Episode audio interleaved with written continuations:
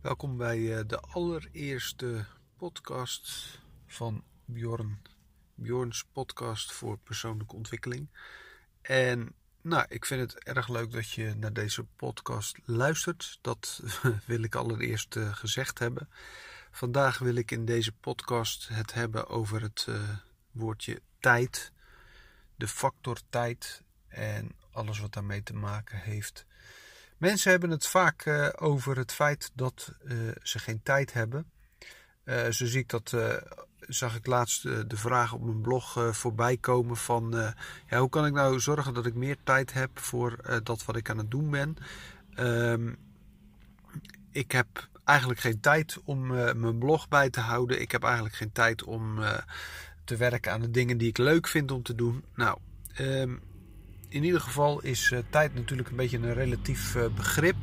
En uh, je kunt wel zeggen, ik heb ergens geen tijd voor. Maar het heeft volgens mij alles te maken met prioriteit. Um, je schrijft tijd daarin wel anders. Met een korte ei en tijd. Als we het gewoon over tijd hebben een lange ei, maar goed, dat terzijde. Uh, prioriteit, daar heeft het mee te maken. En ik denk dat als het over tijd gaat, over het besparen van tijd, dat het de kunst is om prioriteiten te stellen. En bij prioriteiten heb ik het over van wat vind je nou belangrijk? Waar gaat, het, uh, waar gaat je voorkeur naar uit? Uh, zo uh, lees ik bijvoorbeeld ergens dat iedere avond een paar miljoen mensen afstemmen op een soap goede tijden, slechte tijden. Nou, dat is hun prioriteit. Maar door bijvoorbeeld even uh, één avondje per week geen televisie te kijken, spaar je al snel een 3 à 4 uur uit. Nou, die tijd die kun je heel mooi gebruiken om uh, je prioriteiten ergens anders te leggen, namelijk door het, uh, voor het schrijven van een uh, blog. Um, op die manier kun je al snel, als je dat op een week tijd gaat bekijken, dan kun je al snel heel veel tijd besparen. Nou, dat, dat is een manier om ergens tijd te winnen. de tweede manier is om ja, eigenlijk heel makkelijk om s ochtends een uurtje vroeger op te staan. Uh, de meeste mensen die kiezen ervoor om uh, s ochtends zo lang mogelijk in bed te blijven liggen. En dan op het moment dat ze echt weg moeten, dan uh, komen ze er echt wel uit. En zorgen ze dat, de, dat ze op tijd op een werkplek zijn. Maar stel dat je s ochtends ervoor zou kiezen om iedere ochtend in de komende week een half uur vroeger op te staan dan dat je normaal gewend bent.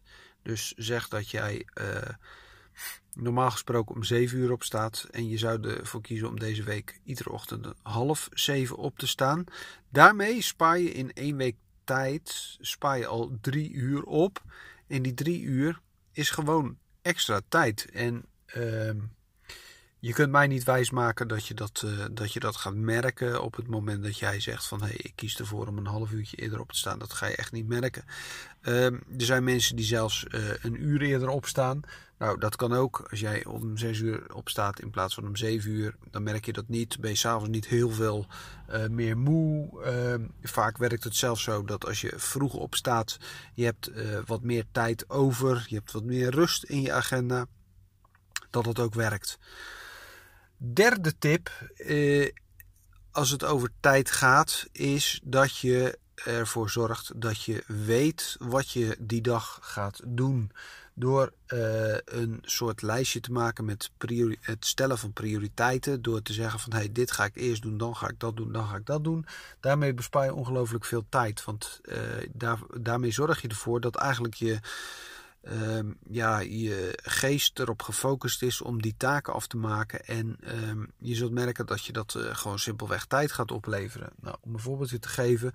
Uh, stel dat je niks plant en uh, maar denkt van nou, ik zie wel wanneer het op mijn pad komt. Dan ga je eens een telefoontje doen. Dan ga je even, begin je aan een, schrijftaak. Nou, dan komt er een mailtje tussendoor. Die ga je even lezen, ga je beantwoorden. Nou, dan ga je weer op je schrijftaak verder. Nou, dan moet je daar weer even inkomen. Moet je weer even teruglezen wat je ook alweer had gedaan. Nou, en zo gaat het de hele dag door eigenlijk. Terwijl als je in je agenda blokt van hé, hey, ik ga nu twee uur aan mijn schrijftaak bezig. En ik kan niet afgeleid worden door telefoontjes of door mailtjes of wat dan ook. Dat zorgt ervoor dat je daarmee tijd bespaart. Want je hebt die tijd niet meer nodig om telkens weer opnieuw in je taak terug te komen. Je hoeft je maar één keer te focussen en je kunt zorgen dat je daarmee uh, ja, productief bent. Dus dit zijn eigenlijk drie manieren. De eerste manier was prioriteiten stellen. Wat, uh, wat doe je wel, wat doe je niet. En zorg ervoor dat je dan bepaalde dingen, bepaalde patronen is doorbreekt. Het tweede is uh, door ochtends een half uur of een uur eerder op te staan. En het derde is door uh, een planning te maken wat je gaat doen die dag. En door daar blokken van te maken. ik hoop dat je hier wat aan hebt gehad. zorg ervoor dat je ermee aan de slag gaat. En mocht je meer van dit soort tips willen hebben, dit soort praktische tips, dan zou ik uh, je aanraden om je aan te melden. Bij uh, iTunes kun je dat bijvoorbeeld doen. Dan kun je mijn uh, podcast volgen. Je kunt het ook via podbean.com, daar kun je het opzoeken. En je kunt ook op Soundcloud kun je mijn naam opzoeken. En op alle drie kun je via Bjorn, Bjorn Simmering of uh, via mijn website bjornsimmering.nl kun je uh, ja, allerlei tips en adviezen krijgen als het gaat over persoonlijke ontwikkeling. Uh, ik probeer dat zo regelmatig mogelijk bij te houden. Ik zou zeggen, volg, meld je aan of schrijf je in voor een nieuwsbrief. En dan word je vanzelf op de hoogte gehouden. Bedankt voor het luisteren en tot een volgende keer.